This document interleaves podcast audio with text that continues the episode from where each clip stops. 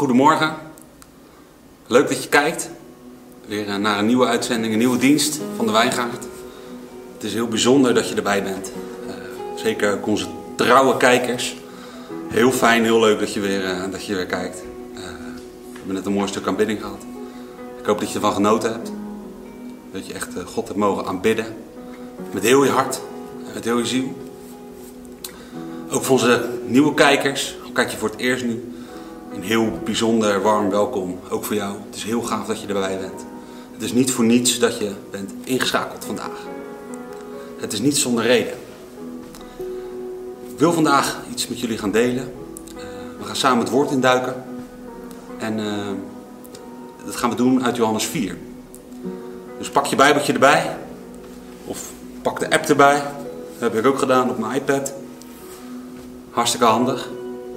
En uh, we willen samen het woord in gaan duiken. En ik ga uh, een stukje lezen. We beginnen in Johannes 4.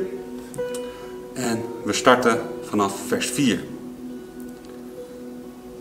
En daar staat. En hij moest door Samaria gaan. Hij kwam bij een stad in Samaria, Sigar genoemd, dicht bij het stuk grond dat Jacob zijn zoon Jozef gegeven had. En daar was de bron van Jacob. Jezus nu ging, vermoeid van de reis, bij de bron zitten. Dus ongeveer het zesde uur. En er kwam een vrouw uit Samaria om water te putten. En Jezus zei tegen haar, geef mij wat te drinken. Want zijn discipelen waren weggegaan naar de stad om voedsel te kopen. De Samaritaanse vrouw zei dan tegen hem, hoe vraagt u, die een Jood bent, van mij te drinken, die een Samaritaanse vrouw bent? Want Joden hebben helemaal geen omgang met Samaritanen. En Jezus antwoordde en zei tegen haar: Als u de gave van God kende en wist wie hij is die tegen u zegt: Geef mij te drinken, u zou het hem hebben gevraagd. En nou zou u levend water gegeven hebben. Daar gaan we naar kijken. Nou, voor degenen die mij niet kennen, ik ben David. David Westdijk. En, uh, degenen die mij wel kennen weten, normaal sta ik juist aan de andere kant van de camera. En uh, ik mag nu een uh, bijzonder woord met jullie gaan delen, het woord van God. Dat is, uh, is heel gaaf, is ook een beetje spannend. normaal sta ik altijd, wat achter de camera. En doe ik vaak het opnamewerk. Maar deze keer zijn de, de rollen omgedraaid, sta ik aan de andere kant. Ik sta hier alleen. Heel bijzonder. Heel merkwaardig ook. Hè, we hebben nog steeds niet de optie om hier in het trefpunt waar we nu zijn met elkaar samen te komen. Helaas, ik mis jullie wel heel erg. De persoonlijke contacten, de omgang, met elkaar eh, ontmoeten en zien en spreken op zondag. Dat zit er helaas uh, niet in. Al zijn we met heel, hele leuke plannen bezig, waardoor dat wel meer vorm zou kunnen krijgen. Daar kan ik voor nu niet al te veel over delen, maar we zijn in ieder geval heel druk mee bezig op de achtergrond. Dus het is een beetje onwennig, nu aan deze kant staan.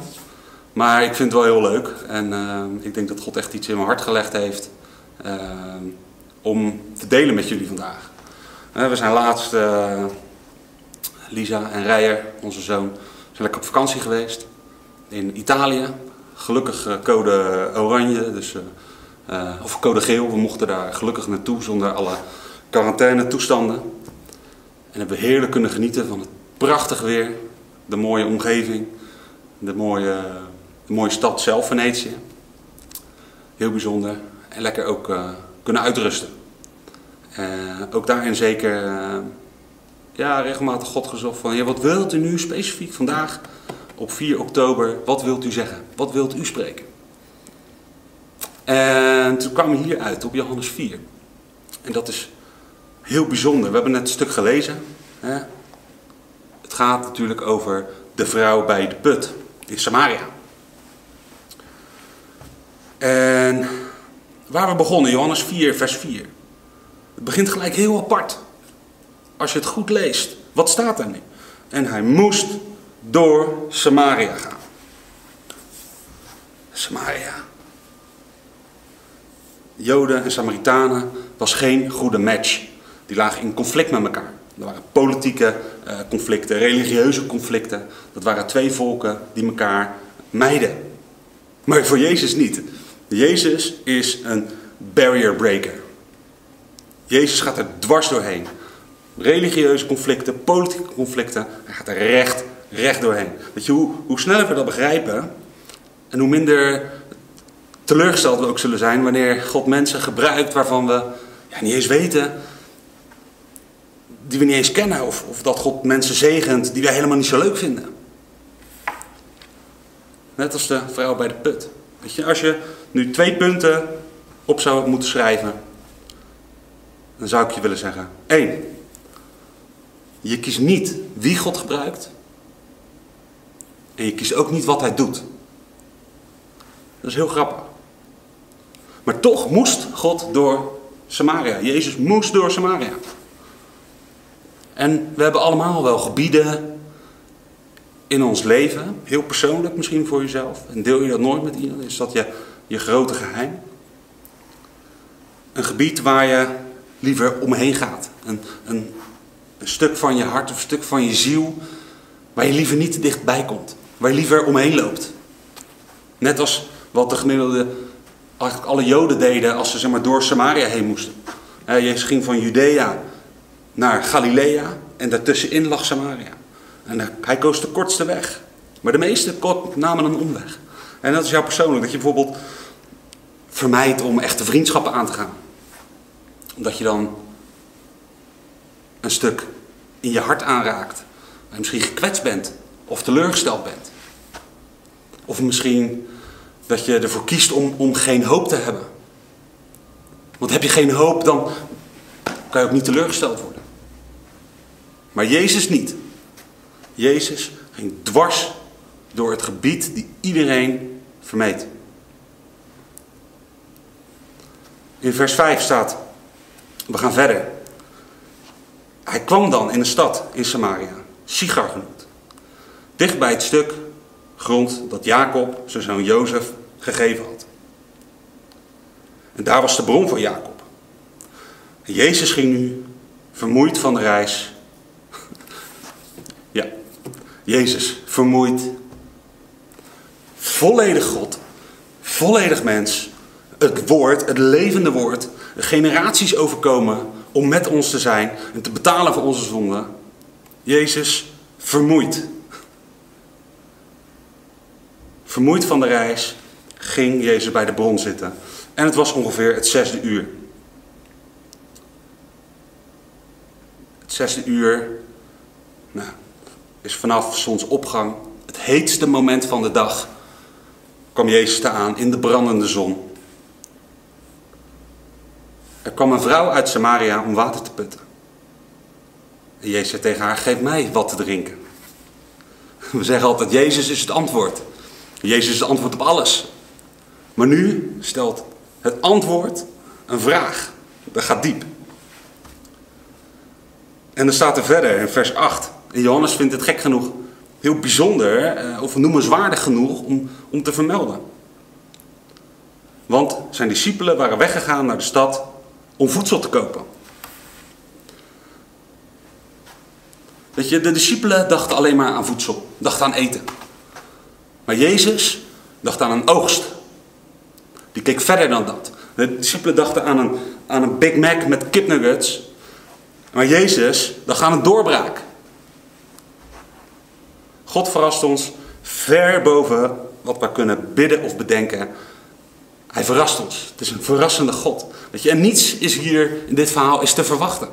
Het lijkt van geen kant te kloppen. Zelfs de vrouw is ook gechoqueerd.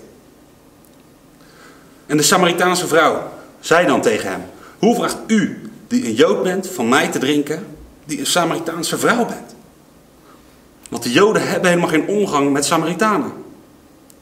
Jezus antwoordde en zei tegen haar: Als u de gaven van God kende en wist wie hij is die tegen u zegt: Geef mij te drinken, u zou het hem hebben gevraagd en hij zou u levend water gegeven hebben.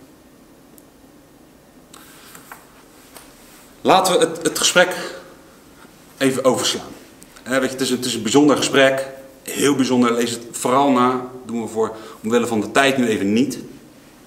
Weet je, deze vrouw die accepteert geen makkelijke antwoorden. Weet je, ze stelt alleen maar vragen, vragen, vragen. Ze accepteert geen halve verhalen of, of hele gezapige quotes op, op Instagram of Facebook. Ze accepteert het niet. Ze blijf, blijf doorvragen. Je kan ook zeggen dat het een diepe put is. En niet alleen de put die daar ligt in Samaria, in Sigar. Die je overigens nog steeds vandaag de dag kan bezoeken. Uh, de put van Jacob. is tegenwoordig een toeristische plek, trekpleister geworden. Niet alleen dat was een diepe put. Maar juist ook het hart van de vrouw. Haar geloof. Een hele, hele diepe put. Weet je, terwijl de, Jezus met die vrouw sprak. De vrouw die compleet afgestoten is van de maatschappij. Verlaten. Alleen. Maar zo waardevol voor de schepper om juist naar haar toe te gaan. Je gaat niet zomaar op het heetste moment van de dag water halen. Ze hadden geen supermarkt waar je eventjes doorheen kan lopen. Ze ging met, een, met de emmer, of ik weet niet hoe ze dat deden, ging zij juist op het moment waarvan zij wist dat ze niemand tegen zou komen. Ging zij naar de put om water te halen. En we skippen het gesprek eventjes, we gaan verder in, naar uh, vers 27. Daar gaan we verder over. En ik, uh, ik, ga, ik ga het voor jullie lezen. Lees lekker mee. En op dat moment kwamen zijn discipelen en zij verwonderden zich dat hij met een vrouw sprak. En toch zei niemand, wat zoekt u? Of wat spreekt u met haar? De vrouw nu liet haar waterkruk staan en ging weg naar de stad en zei tegen de mensen: Kom, zie iemand die me alles gezegd heeft wat ik gedaan heb. Zou hij niet de Christus zijn? Zij gingen dan de stad uit en kwamen naar hem toe. Ik wil met, je, met jullie vandaag spreken over verrassingen. Yes, verrassingen. Weet je, de discipelen hadden geen idee wanneer zij lunch gingen halen, dat Jezus bezig was met culturele, traditionele, religieuze barrières aan het doorbreken was. Doordat hij sprak met die Samaritaanse vrouw. Wat echt absoluut niet kon in die tijd. Ze waren gewoon op zoek naar eten. Verrassing. God verrast die.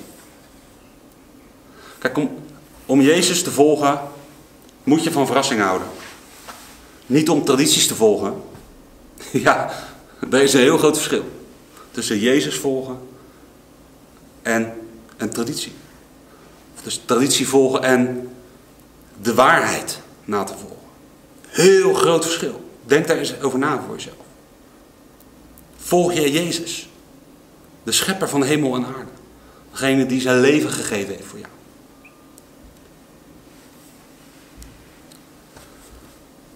Hou jij nog wel van verrassingen? Ik weet het niet. Tegenwoordig ben ik misschien wel een beetje klaar met, uh, met verrassingen. Ik denk voor de komende tien jaar ongeveer. Zeker in de afgelopen, uh, tussen het negen maanden. Als je dat vorig jaar aan mij gevraagd had, had het waarschijnlijk een heel ander antwoord geweest. Tuurlijk hou je van verrassingen. Ik denk dat dit jaar ook echt het, het grote jaar is van de verrassing. Dat er dingen gebeurd zijn in de maatschappij ontwrichtende dingen in de maatschappij. Het leven, ons leven wat op zijn kop staat. Wat één grote verrassing is. Dit zagen we niet aankomen met elkaar. Eén grote verrassing. Ik weet niet of ik daar heel, uh, heel gelukkig van word. Je zal uh, trouwens ook best wel verrast worden als je in de hemel komt. Sowieso, de hemel. Eén grote verrassing. Willem de Vink heeft er hele mooie boodschappen over, ook hele mooie boeken over. Je zal misschien verrast worden over wie je buurman gaat zijn in de hemel. Of wie een groter huis heeft dan jij in de hemel. Weet je wel, wie God hier op aarde gebruikt, zijn niet altijd de mensen wiens naam wij kennen. Of wie we groot in de media zien, of groot kennen, de grote namen. Je weet het niet. Eén grote verrassing. Heb je wel eens meegemaakt in je leven dat je gewoon met je ding bezig was? Net als de discipelen die gewoon, die wouden van een burger halen. En God die gooit de verwachtingen van de dag gooit die helemaal omver. Weet je, de discipelen hadden geen enkel idee dat toen Jezus zei, ik moet naar Samaria, ik ga naar de waterput. dat Jezus met veel grotere dingen bezig was dan de McDrive. Weet je ook niet dat God een groter plan voor jou heeft dan hoe je je misschien nu voelt? Weet je, je hebt geen idee, en ik ook niet. We hebben geen idee waar God ons wil gebruiken vandaag. Precies vandaag de dag. Dus we moeten leven in de, met het idee dat we wakker worden. Dit is de dag die de Heer ons geeft. Laten we blij zijn. Laten we vol verwachting uitkijken naar de dag. Want dit is de dag die de Heer ons geeft. En je weet het nooit. Weet je, en die vrouw wist ook niet. Hè? De vrouw wist zeker niet. Sterker nog, ze hoopte niemand te ontmoeten. En die vrouw wist zeker niet dat zij vandaag haar maker ging ontmoeten. Ze wist ook zeker niet dat ze iemand zou ontmoeten die haar niet eens alles vertelt van wat ze allemaal wel of niet gedaan had. Die mensen waren er zat. Er waren zat mensen die haar precies wisten wat zij gedaan had. Maar zij ging iemand ontmoeten die ook wist wat er in haar omging. Die haar hart zag, die haar ziel kende. Verrassing. Je kwam om water te halen, maar je gaat de bron ontmoeten. Verrassing. Hey, misschien ben je heel per ongeluk hier op dit YouTube-kanaal terechtgekomen. En zit je nu te kijken, ben je nu ingeschakeld. En je gaat een woord van God ontvangen. Verrassing. Net wanneer je het niet verwacht. Middag. Het heetste moment van de dag. Niemand in de buurt. Niemand die het verwacht. Jezus zou niet eens tegen haar moeten praten. Zeker niet als een rabbi. Dat was not done. En net wanneer ze het juist niet verwacht, ontvangt zij de grootste openbaring van haar leven, denk ik. Zij ontmoet haar maker. En zij werd de eerste evangelist aan de Samaritanen. Dat wordt verder nog genoemd. We hebben het eerder al gelezen. En ik wil eigenlijk weer terug met jullie naar Johannes 4 en het begin. We hebben gezien, Jezus moest door Samaria heen gaan. Jezus was niet van plan om af te wijken van de route. Jezus had een doel. En daarna, in vers 5 staat, lees me mee.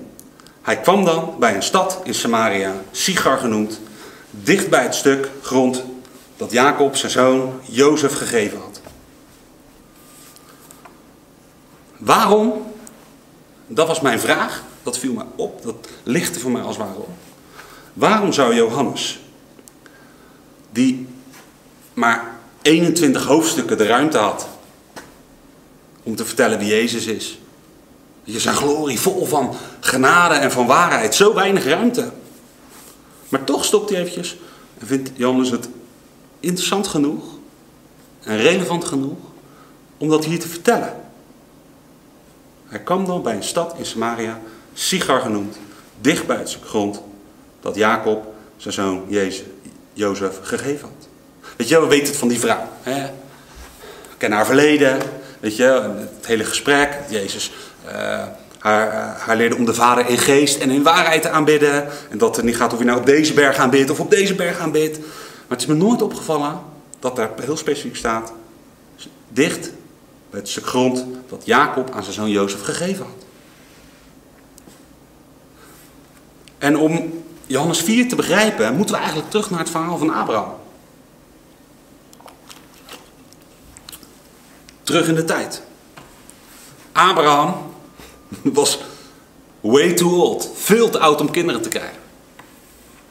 En God zegt, verrassing. Je gaat een kind krijgen. Verrassing. Weet je, God kan een vruchtbare situatie creëren uit een onvruchtbare baarmoeder. Stel je leven zo in, vol verwachting. Het is een God van Abraham, Isaac en Jacob. En het was eigenlijk helemaal niet eens de bedoeling hè, dat het de God van Abraham, Isaac en Jacob was. Het moet eigenlijk de God van Abraham, Isaac en Esau zijn. Verrassing. Weet je, dit verhaal is heel mooi en zo bijzonder.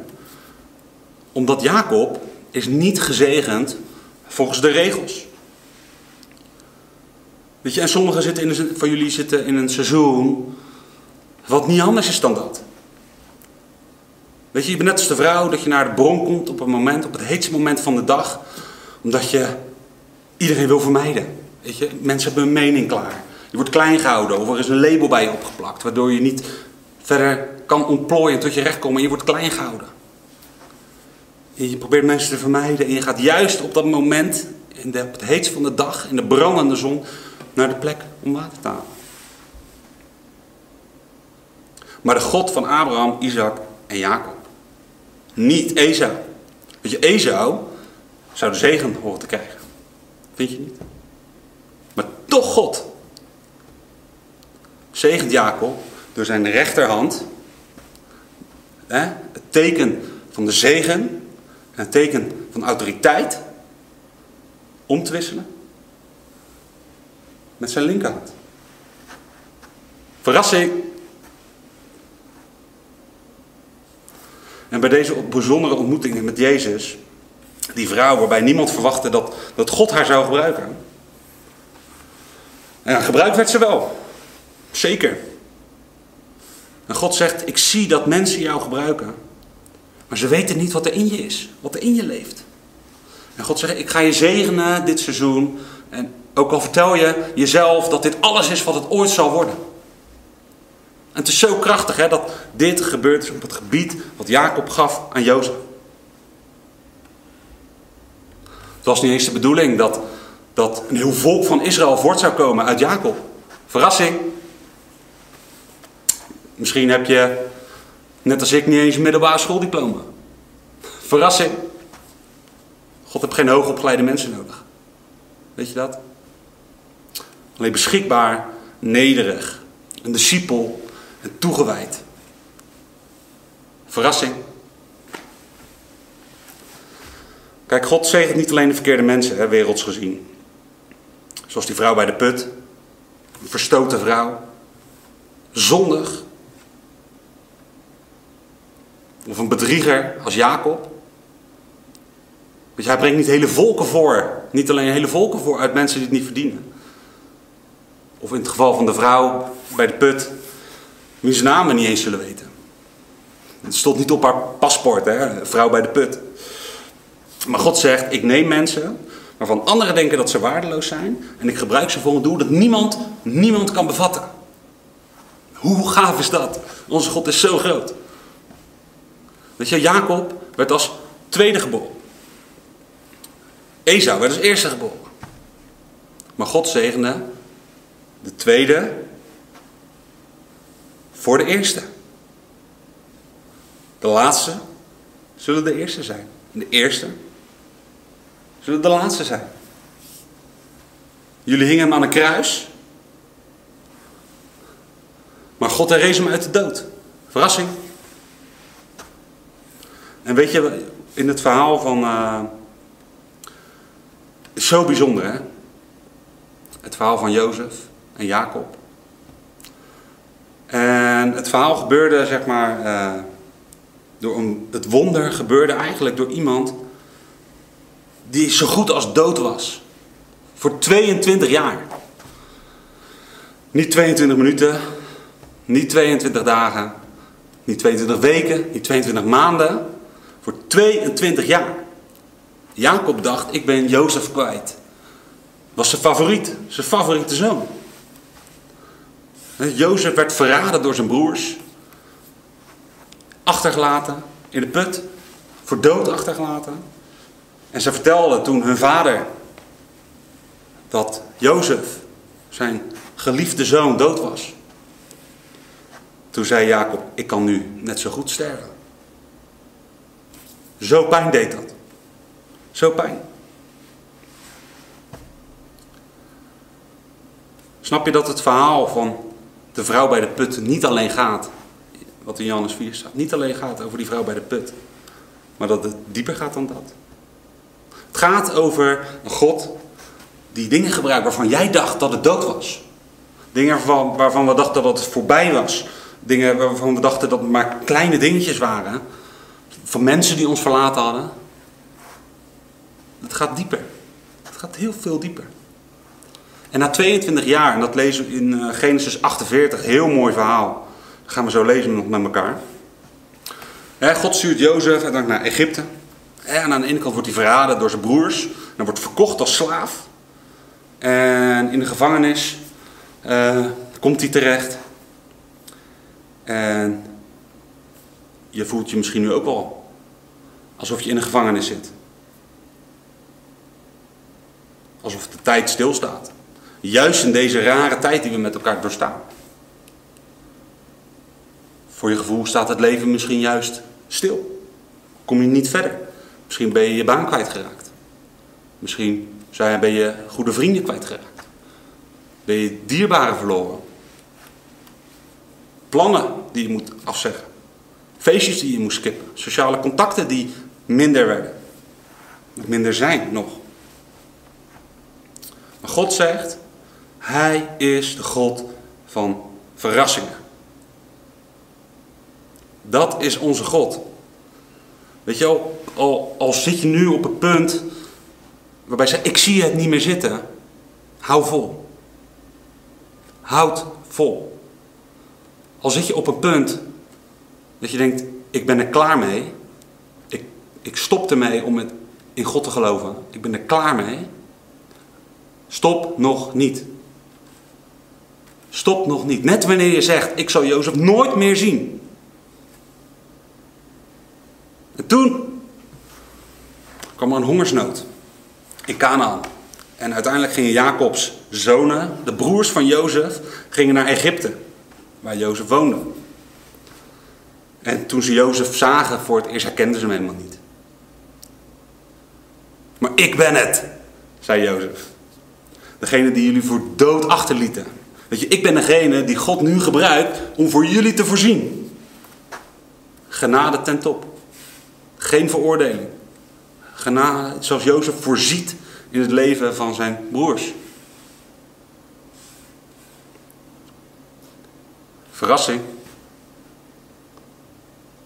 Dat je, God gebruikt wat, wat, wat de vijand je aandoet. Weet je, we worden aangevallen. Laten we eerlijk zijn. We gaan door moeilijke dingen heen, soms, in het leven. Maar God gebruikt die dingen die ons aangedaan worden door de vijand. En hij keert het ten goede in je leven. En in je familie doet hij dat. En in je, in je hele generatie doet hij dat. In onze kerk doet hij dat. In, in Barendrecht, in ons land, in Europa, in de wereld. God herstelt en God verrast ons. Keer op keer op keer. Laten we naar Genesis 48 gaan. Wat ik zei, dan gaan we naar het verhaal kijken. En we beginnen in vers 11. En laten we lezen. En Israël zei tegen Jozef. We hadden het toch over Jacob? Denk je misschien? Ja, God verandert Jacobs naam naar Israël. Jacob betekent bij de hiel gegrepen. Maar Israël betekent prins van God. Verrassing. God ziet de vrouw bij de put. En hij ziet een evangelist. God ziet Jacob niet als iemand die bij de hiel gegrepen is, of bij de hiel gegrepen wordt. Hij ziet een prins. Verrassing. God ziet jou niet als een, als een zondig mens die, die misschien loopt te tobben in zijn leven. Maar God ziet jou als een rechtvaardig mens. Volledig geheiligd, rechtvaardig voor hem door het offer van Jezus. Verrassing. Wat is jouw Jozef? Denk daar eens over na. Weet je, wat zijn de dromen die je op hebt gegeven? Weet je wel, verhalen waar, waarbij je denkt, gebeurtenissen in je leven waar je denkt, ja, daar zou ik altijd mee blijven struggelen. Daar zou ik mee moeten leven. Dingen waar je geen uitweg ziet. Wat is jouw Jozef?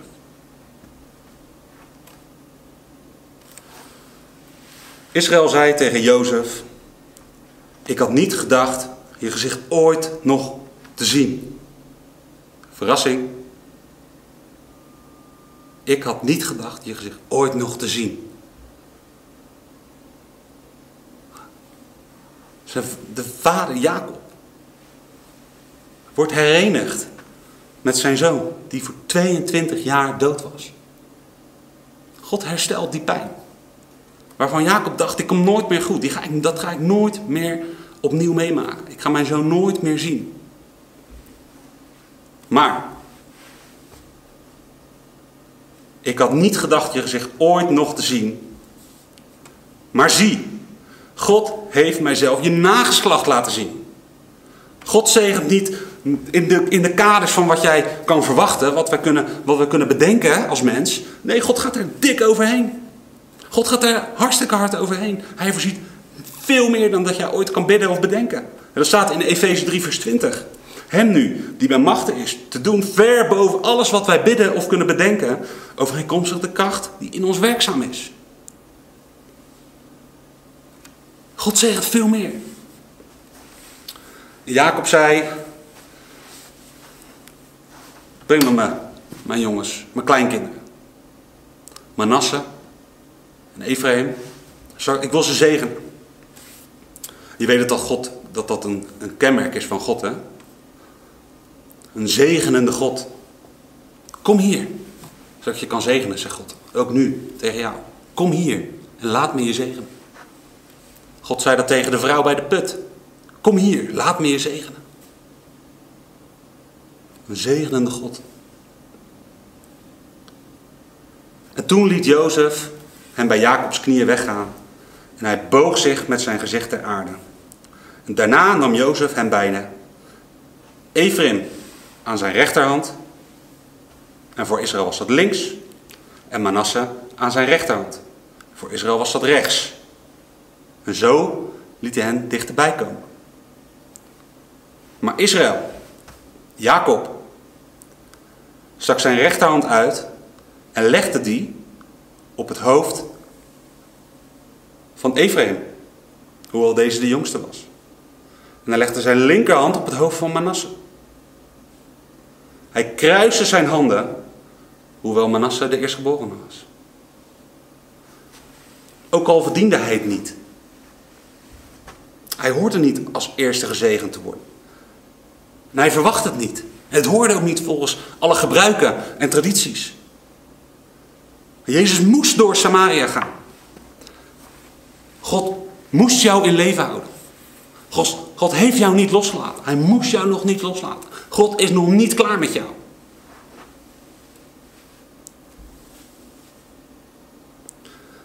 Israël stak zijn rechterhand uit en legde die op het hoofd van Ephraim, hoewel deze de jongste was. En legde zijn linkerhand op het hoofd van Manasse. En hij kruiste zijn handen, hoewel Manasse de eerstgeborene was. En hij zegende Jozef en zei, de God voor wiens aangezicht mijn vaderen, Abraham en Isaac, gewandeld hebben. De God die mij als herder geleid heeft, mijn leven lang tot op deze dag. De engel die mij verlost heeft van al het kwaad, zegende deze jongens. Zodat door hen mijn naam genoemd zal blijven en de naam van mijn vaderen Abraham en Isaac. En zij in het midden van het land in de menigte zullen toenemen. Toen Jozef zag dat zijn vader zijn rechterhand op het hoofd van Ephraim legde, was dat kwalijk in zijn ogen. Daarom greep hij de hand van de vader om die te verleggen van het hoofd van Ephraim naar Manasse. Jozef zei tegen zijn vader, niet zo mijn vader, want dit is de eerstgeborene. Leg uw rechterhand op zijn hoofd.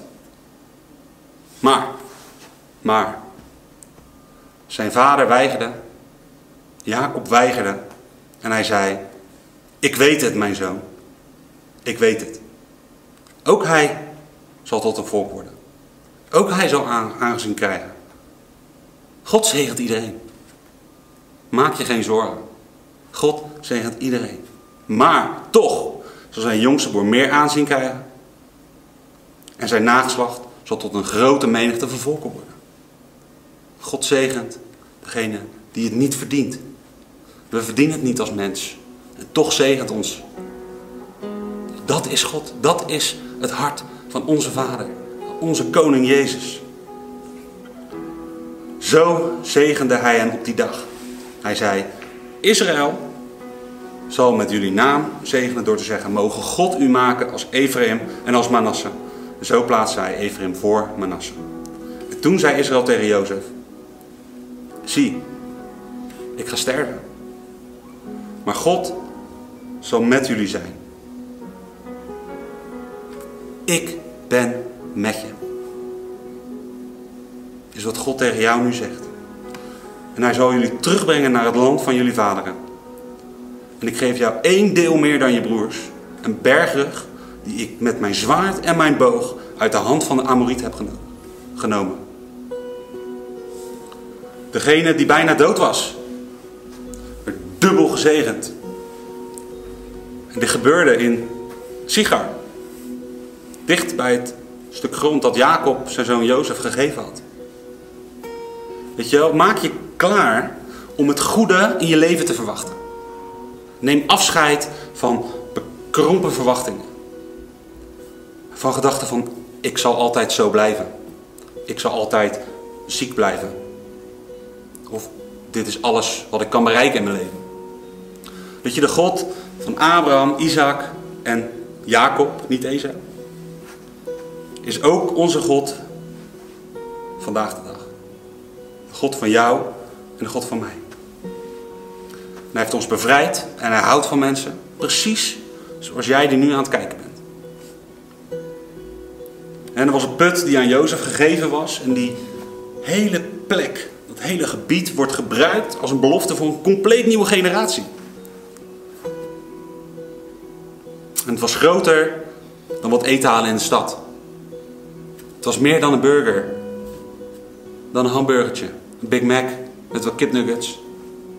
Het was meer dan dat. Jezus zag een oogst. En hij heeft die oogst tot leven geroepen. En wat bedoeld was door de vijand en God gebruikt het ten goede. We mogen leven in die verwachting. Dat is het leven wat God voor ons wilt. Zullen we bidden? God, lieve Vader, dank u wel dat u bij ons bent, Heer. Dank u wel dat u ook dit woord van vandaag zegent. Heer, dank u wel dat u een God bent die generatievloeken verbreekt. Heer, u bent een God die door de generaties heen gaat. Heer, dank u wel ook op dit moment dat u in onze harten, van iedereen die kijkt en luistert, dat u nieuwe putten aan het graven bent, Heer. Heer, waar u uw levende water in kan storten. God, u zegent ons met uw rechterhand. En we verdienen het niet. Van nature verdienen wij het niet, Heer. We zijn zondig. Maar toch kiest u ervoor om ons te zegenen. Meer dan dat wij bidden of kunnen bedenken. Heer, wanneer u spreekt en wanneer u zegent, Heer, dan zal het gebeuren. Heer. Uw koninkrijk komen, Heer. Uw wil zal geschieden. In Jezus' naam. Amen.